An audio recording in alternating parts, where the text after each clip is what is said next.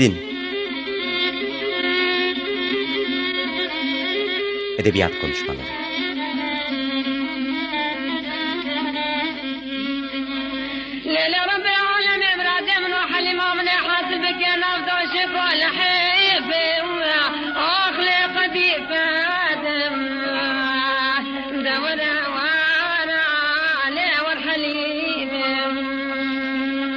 Hazırlayan ve sunan Mehmet Said Aydın.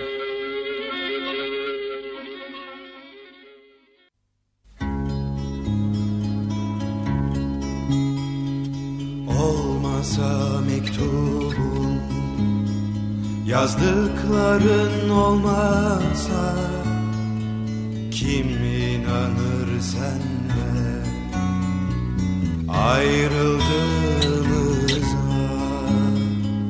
Sanma unutur Kalp ağrısı zamanla Her şeyi unutarak Yaşanır sanma Neydi bir arada Tutan şey ikimizi? Birleştiren neydi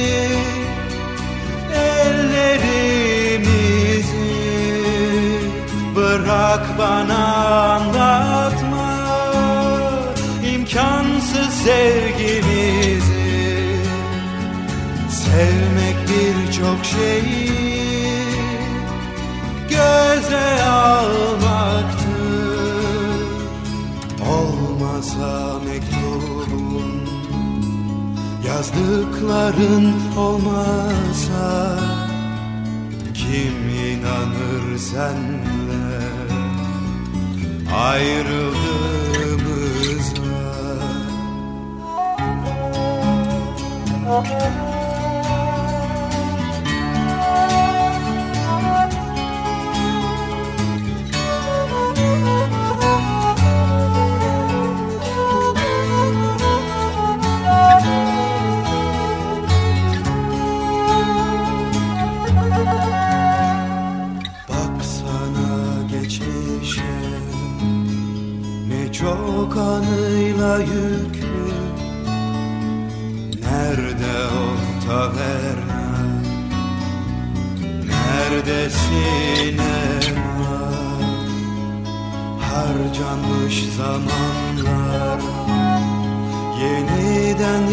yaşanmaz ki. Geç kaldıktan sonra Arama boşa. Arada tutan şey ikimizi? Birleştiren neydi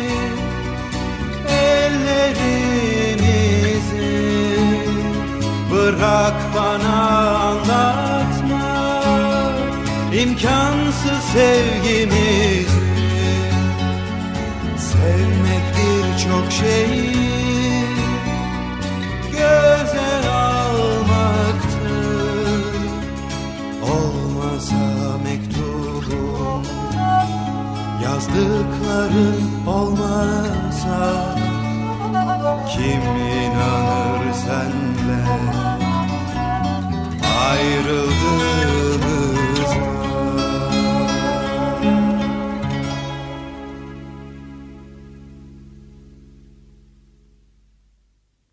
Merhaba, bugün 30 Kasım Cuma 2018 yılındayız. Açık Dergi'nin içinde e, Zin programında tekrar beraberiz. Ben Deniz Mehmet Sait Aydın. E, teknik Masada şu anda karşıdan beni izleyen İlksen Mavi Tuna var. O izleyince çok rahat ediyorum. Size de duyurmuş olayım. E, Olmasa Mektubu'nu dinleyerek başladık. Olmasa Mektubun... E, 1986 yılında Güne Bakan albümünde Yeni Türkü'nün söylediği, icra ettiği bir şarkıydı. Ee, esas Haris Alexiou'nun bir şarkısı. Haris Alexiou bir e, ne diyeyim İzmir kökenli bir e, Yunan hanımefendi. Daha çok popüler Yunan müziğiyle bilinen hatta tırnak içinde ticari işlerde yapan biri ama e, 1950 Tebai doğumlu ama kısmı bu değil. E, Rebetiko modern e, laika ve Yunan halk müziği de yapan, icra eden biri. E, bir dönem epey şarkısı e, aranjman olarak kullanıldı Türkiye'de. E, 80'lerin 90'ların birçok kadın sesi icra etti kimi erkek seslerde. Bu dinlediğimiz versiyonu e, Murat Anmunga'nın sözleriyle e, Yeni Türkü'nün e, icrasıyla Güne Bakan albümünde çıkan e, şekli. Sonradan Murat Anmungan söz vermiş şarkılar albümüne de aldı sanıyorum bunu. Epey de başka icraları da var. E, tahmin edeceğiniz üzere diyeyim artık. Şarkıyı biraz artık şeyle ilgili, programda konuşacağım şeyle ilgili çalıyorum. Bu da e, Yunan ve Rum meselesi, daha doğrusu İstanbul Rumlarının edebi, edebiyatı ya da edebiyatta görüngüleri üzerine belki de konuşmak için, e, konuşmak gayretiyle bunu çaldım. E, burada iki mesele var. İlk mesele Rum kelimesi meselesi.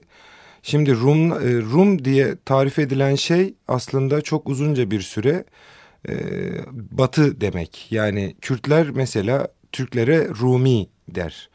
Efendime söyleyeyim Orta Anadolular daha batısına Rumi der. Bu konuda iki tane kaynak önerebilirim bu Rum kelimesi konu üzerine.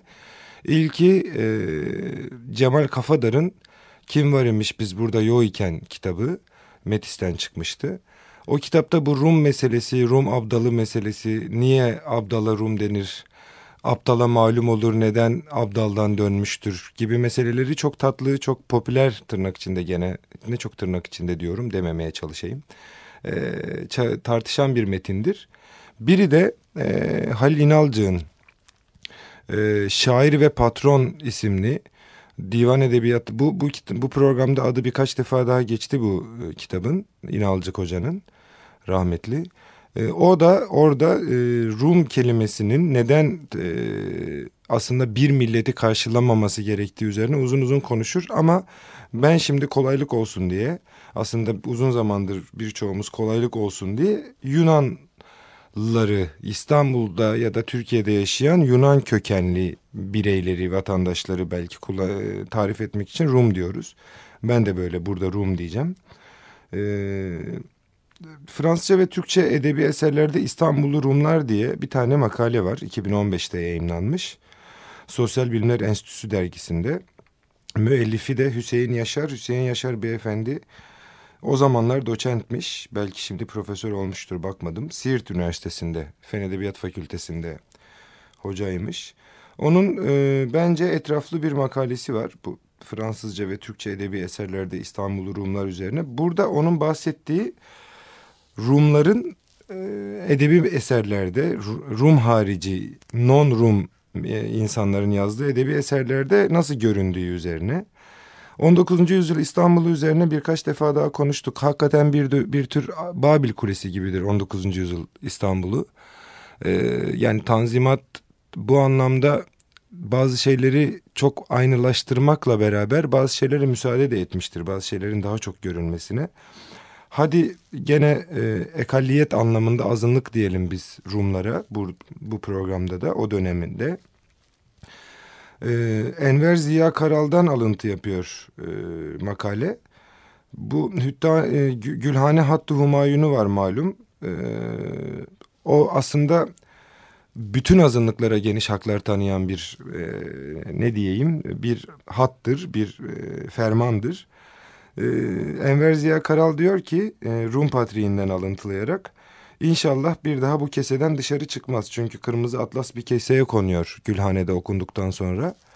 Ee, bunun sebebi de e, Hristiyan ve sair tebaayı e, yani Hristiyan olmayan tebaayı da aslında kimi haklardan yararlandırmak. Dolayısıyla Rumların memnun olmadığı madde Patrikhane'nin asırlık haklarının gaspı gibi bir e, madde. Yani Gülhane Hattı Humayun'u birçok azınlık için çok olumlu ama Rumların o zaman bakıyoruz o zamandan görüyoruz ki çok da e, olumlu bulmadığı bir metin. Ee, İstanbul'a dair epey Fransızca eser var. İstanbul'a gelen gezginlerin eserleri var. Bunların birçoğunu artık Türkçe'de okuyabiliyoruz. Burada e, Rum kalabalığa yani Rum kişilere karşı pek olumlu şeyler söylenmiyor. Olumlu olay anlatılmıyor. Bunun birkaç sebebi var. Türkçe eserlerde gayrimüslimler Türkçe metin üretildiğinde alafranga yani tırnak içinde buraya ait olmayan İstanbul'a diyelim ki ait olmayan bir hayat tarzıyla resmediliyor ve edebiyatta karşıtlıklar ilginç olduğu için uyduruyorum. İlk aklıma gelen metini söyleyeyim hepimizin aklına gelen Peyami Safa'nın Fatih Harbiyesi. Orada bir dikotomi, bir ikili, bir karşılıklılık var. Fatih'te geleneksel bir diyelim ki Osmanlı hayatı sürülüyor.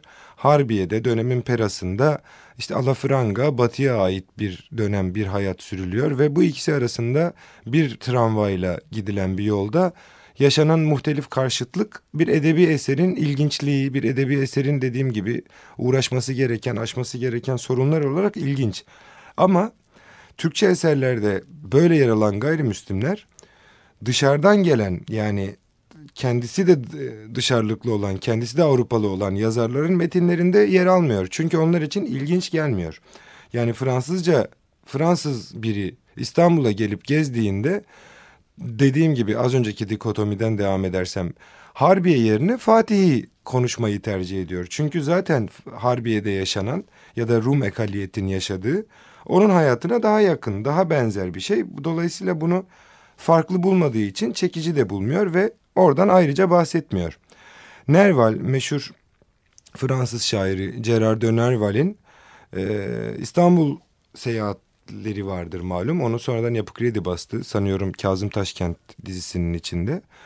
Orada e, Ermenilerle çok sıcak samimi ilişkiler kurduğunu söyler. Birçok gezgin gibi İstanbul'a gelen. Ama Rumlarda Rumlardan çok bahsetmez. Fakat Nerval'i farklılaştıran e, Rumlara olumlu artık kimi bakışlarla e, bazı nazarlarla bakabilmiş olması. Dört portre başlığı altında bir e, Rum kadına ait bir şeyden bahsediyor. Bir evde karşılaştığı dört kadından bahsediyor. Diğer üçü e, Çerkes, e, Yahudi ve Ermeni asıllı üç kadın. Biri de Rum kökenli. E, orada mesela Nerval e, belki ilk defa o dönemde Fran gelen Fransız seyahat e, seyahat yazarlarının içinde Rumlardan az biraz olumlu bahseden ilk belki de yazar. E, Pierre Loti'nin bakışında bir gariplik var. Pierre Loti neredeyse nefrete varan bir Rum e, düşmanlığına sahip. Zaten düşmanlığa sahipse nefrete varması lazım. Yanlış söyledim. Ee, yani neredeyse nefret suçuna girebilecek kadar e, mesafeli Rumlara karşı. Burada birkaç ne diyeyim birkaç hipotez var. Ee, bu Pierre Loti malum İstanbul'da şu anda bir tepenin de adı olan 1850 ile 1923 yılları arasında yaşamış bir büyüğümüz. Bir e, Fransız e, edebiyatçı ve İstanbul'u İstanbul'u çok sevip burada yaşıyor. E, Aziyade diye bir metni vardır onun. E, orada mesela e, Pierre Lotin aslında kendisidir oradaki Aziyade'deki kahraman. Sonradan söyler onun otobiyografik bir metin olduğunu. E, Sadık dostu Ahmet'le Beyoğlu sokaklarında gezerler ve Rumların e, o sıra kutladığı bir nümayişe bir Noel'e denk gelirler. Ve e, Pierre Loti'nin kendisi olan kahraman neredeyse nefretle bahseder bu karşılaştığı Noel kutlamasından. Der ki iğrenç Rum halkı kalabalık kütleler halinde her yana saldırıyordu. Bütün genel ev sokaklarından, bütün kahvelerden, bütün meyhanelerden halk çıkıyordu. Orada ne kadar kadın erkek olduğu ve sarhoş yaygarası iğrenç haykırışlardan ibaretti gibi böyle biraz tuhaf alıntılamış. Ben de Aziyade'nin orijinaline gitmedim ama 2000 yılındaki baskısından alım, almış. Yani gördüğünüz üzere Rumlar onun için çeşitli sarhoş yaygaraları çıkaran e, iğrenç haykırışlarda bulunan ve genellikle de genel ev sokaklarından ibaret bir millet. Ama Nerval de bu arada Beyoğlu'ndaki gördüğü Rumların hakikaten ne diyeyim sarhoşluğuna ve meyhane sahibi olmasına vurgu yapıyor. Fazla alkol aldıklarını, diğer topluluklardan daha fazla içkici olduklarını ima ediyor ama Pierre Loti kadar nefretle bahsetmiyor. Az ziyade de buna benzer antipatik Ve dediğim gibi nefret suçuna yakın cümleler var. Onları hepsini teker teker alıntılamayayım. Ama e, bu nefretin diyelim e, sebebine dair Pierre Brique, muhtemelen yanlış okuyorumdur. E, ilk sen Fransızca uzmanımız olarak biraz eh oldu gibi bir işaret ediyor. Tamam çok kötü değil herhalde. E, Loti e Lorien adlı bir incelemesinde e, Loti için şunu söylüyor. Pierre Loti'nin bu tavrını ilk yıllarıyla, çocukluğuyla bitiştirip diyor ki Helen medeniyetine bakışı çocukluğundan beri Loti'nin hafızasında netleşmedi. Yunan medeniyeti, Yunan sanatı diğer Fransız edebiyatçıların tersine onu heyecanlandırmıyordu. Venüs'ün antik şekillerini, Partenon saf çizgilerini ne tanıyordu ne de tanımayı arzuluyordu. Loti'nin gözünde antik Yunan sarhoş, sefih, hoşgörüsüz, yıkıcı ve kan dökücü bir görüntü sunuyordu. Bu incelemesinin devamında e, Birike, Pierre Loti'nin e, Yunancayı öğrenememesine ve Yunanca ile yaşadığı çok sert bir öğrenememe ilişkisi kurmasına bağlıyor. Muhtemelen de öyledir. Yani yoksa hakikaten Fransız sonradan İstanbul'a gelmiş bir Fransızın Rumlardan bu kadar nefret etmesinde ya bir gönül kırıklığı ya bir e, dil öğrenememe falan gibi bağlam olmalı. E, aynı metinde yani Fransızca ve Türkçe edebi eserlerde İstanbul Rumlar makalesinde Refik Halit Karay'ın e, Sonuncu Kadeh romanında e, Murat Naci kahramanının eski sevgilisi Rum Polinka ile yaşadıkları anlatılıyor. Burada e, Murat Naci sevgilisini bulmak için bir elçilik müsteşarı Savni Devrangil adında bir Rum'la görüşüyor ve burada e, ana karakter Rumları hakaretle tahkirle anmıyorsa da ikinci karakter Frank taklitçisi Züppe olarak anıyor. Zaten Züppe figürü Tanzimat'ın çok uğraştığı figürlerden biridir. Ama Karay e, birçok ne diyeyim Türk yazara göre e, Ahmet Mithat'la beraber e, Rumları daha sevimli, daha ne diyeyim ırkçılıktan uzak, daha içeren bir mesafeyle konuşuyor diyebiliriz.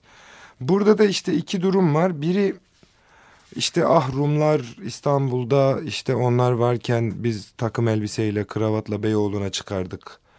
Ee, kötü nostaljisiyle işte barbalar o zamanlar meyhanelerde işte çok güzel işler yapardı ve e, orada burada Rumca konuşulurdu gibi gene kötü özlemi ara, e, durumu var. Ama bunu e, ne diyeyim bu nostaljiyi yaralayan, bu nostaljiyi doğru yerden yaralayan bir hareket oldu yıllar içinde. İyi de oldu.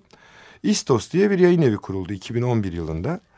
Ee, 50 sene boyunca kesintiye uğramış bir Rum yayıncılığı vardı Türkiye'de. Ee, İstos esasen anlamı network, ilişki, ağ gibi bir şey Yunanca'da. Ee, en son kitapları Temmuz ayında, bu senenin Temmuz ayında çıkmış bir kitap. Üç milliyetçiliğin gölgesinde kadim bir cemaat Arap dilli Doğu Ortodoksları Haris Theodorelis Rigas tarafından editörlüğü yapılmış bir e, edisyon kitap bu. E, İstos'un yaptığı çok büyük güzellikler var. Bu birazdan e, Foti Benlisoy'un yayın evinin kurucularından olan Foti Benlisoy'un Biyanet'te e, yayınlanmış e, Emel Gülcan'la yapılmış bir röportajından kimi alıntılar yapacağım.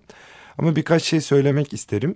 İstos aynı zamanda hem telif hem akademik e, metinler yayımlayan, e, Yunanca aslından tercüme yapan, sadece Yunanca aslından tercüme yapan. Çünkü yıllar içinde anladık ki bizim bildiğimiz birkaç Yunan şairi ki bunların başında Seferis'le, e, Yorgo Seferis'le Kavafis geliyor e, Konstantinos Kavafis bunların ikisi de Türkiye kökenli. Şimdi Türkiye sınırlarında olan yerlerden o tarafa göçmüş ya da o tarafta kalmış insanlar. Bunların çoğunluğu Fransızcadan ve İngilizceden tercümeymiş. E, hatta sanıyorum daha çok Fransızcadan tercüme. E, ilk defa belki evet ilk defa denebilir. E, Kavafis e, Türkçe'ye e, esas dilinden çevrildi. Ari Çokona tarafından.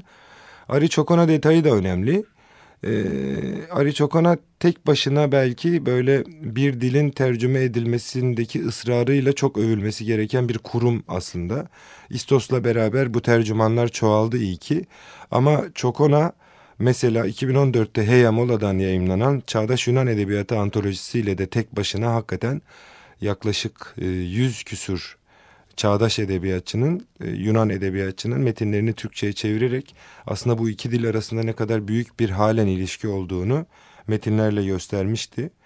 Bir de iletişimden Nurdan Türker Hanım'ın 2015 e, yılında çıkan İstanbul Rumları Mekan Bellek Ritüel alt başlıklı bir kitabı var. Vatanım yok, memleketim var adını taşıyor. Bu kitapta İstanbul Rumlarının gidip sadece 6-7 Eylül'e sıkıştırılmaması gerektiğini, aslında başlarından daha önce de çok tuhaf, çok berbat şeyler geçtiğini ama ona rağmen bu toprakların tabii ki sahiplerinden, tabii ki e, ana etmenlerinden biri olduğunu tanıklıklarla anlatan bir kitap olarak önemli bir doktora tezi sanıyorum. E, İstos'un e, kurulması dediğim gibi 2011'de çok e, önemli bir iş yaptı.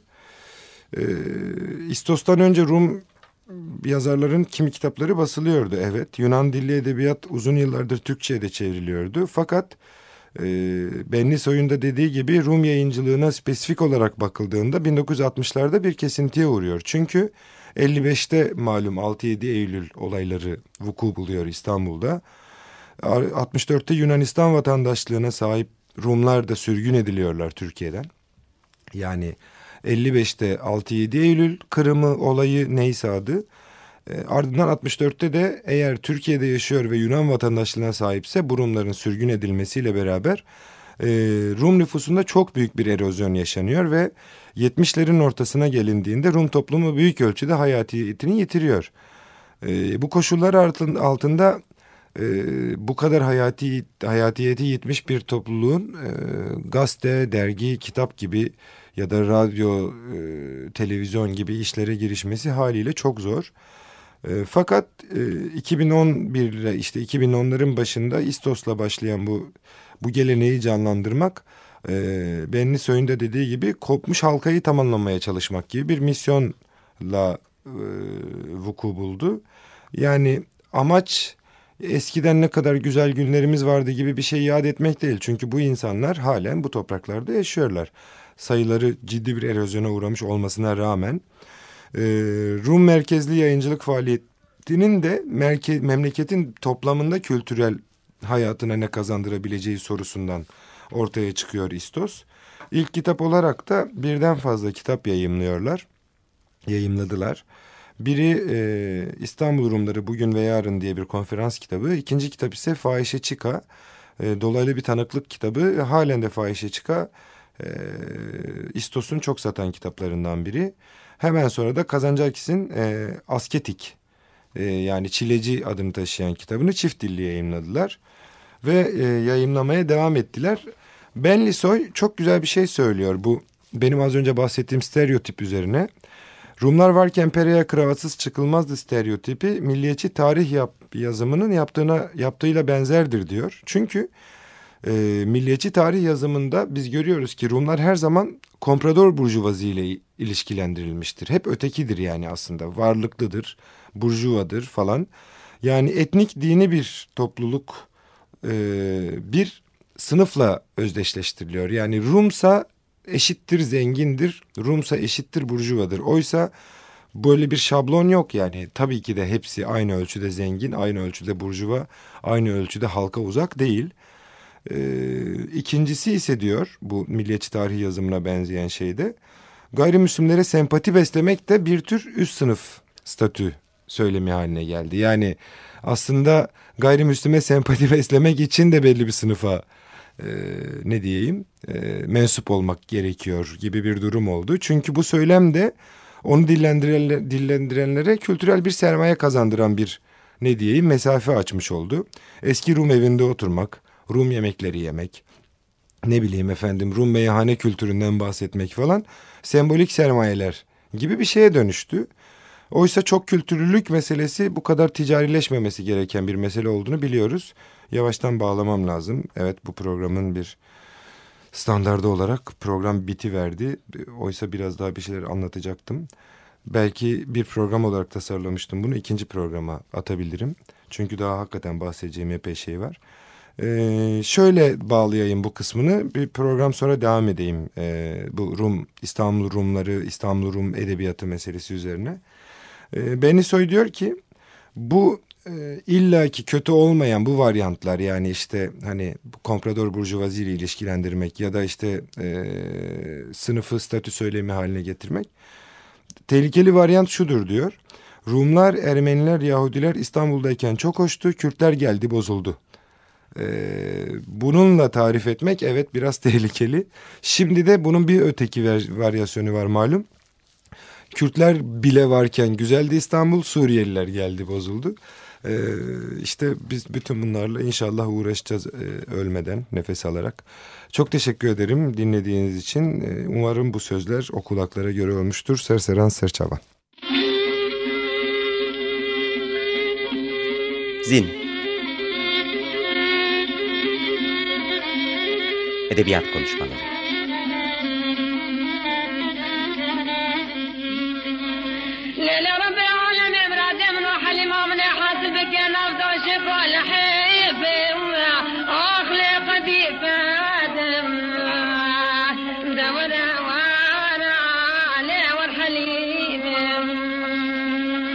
Hazırlayan ve sunan Mehmet Said Aydın Açık Radyo program destekçisi olun. Bir veya daha fazla programa destek olmak için 212 alan koduyla 343 41 41